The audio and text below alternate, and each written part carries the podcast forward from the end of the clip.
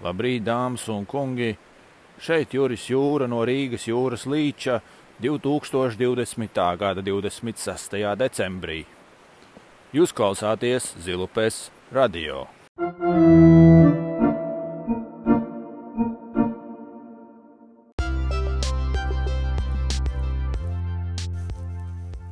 Šodien ir svētku diena, un jauna materiāla mums nav, bet mums ir vecs un labs materiāls no novembra, kuru varbūt daļa no jums jau ir dzirdējuši citos kanālos.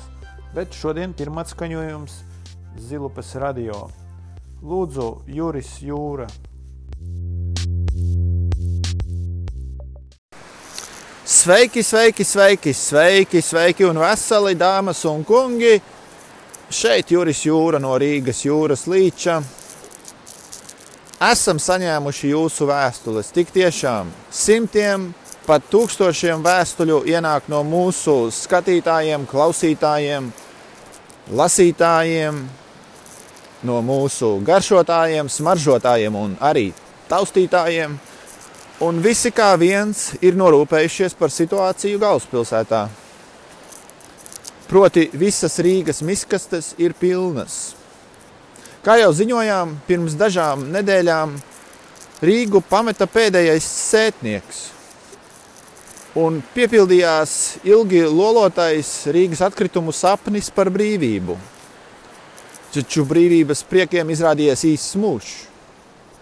Pazeminoties gaisa temperatūrai un pastiprinoties rudens vējiem, Rīgas atkritumi atskārtuši, ka tiem nav kur patvērties.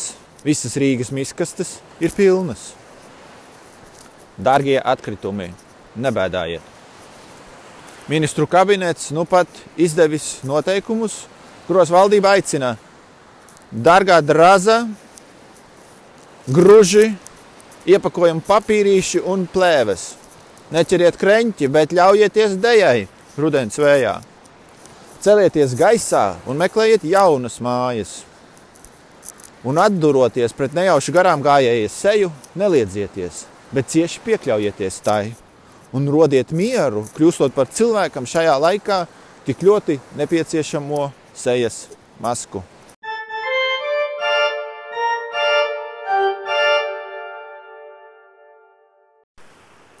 Nu, sveiki, sveiki, sveiki, sveiki un veseli dāmas un kungi! Šeit Juris Jūra no Rīgas jūras līča.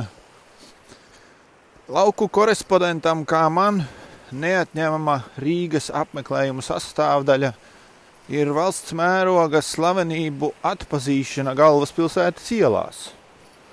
Ja parastā braucienā tas prasa vien dažas stundas, vienā no mūsu novembra braucieniem pirmo slavenību sastapu tikai trešās dienas rītā. Lai arī laiciņš bija apmācies, man noskaņojums bija pacelāts, un es biju ceļā uz autostāvvietu, kad man pretī pa Hanzas ielu brauca riteņbraucējs saules brillēs. Viņš tā dīvaini uz mani paskatījās un pamāja ar galvu, it kā sveicinādams. Tas nu gan ir dzēris, es nodomāju. Kaut kā neatminos, ka būtu bijis pazīstams ar Dailas teātra aktieri Artūru Krastiņu. Vai arī pats bija dzēris, kad tikām iepazīstināti kādā slavenību ballītē, par kuru jau sen aizmirsis esmu. Lai vai kā uzskatīšu, ka nu esam pazīstami, un turpmāk sveicināšu pirmais.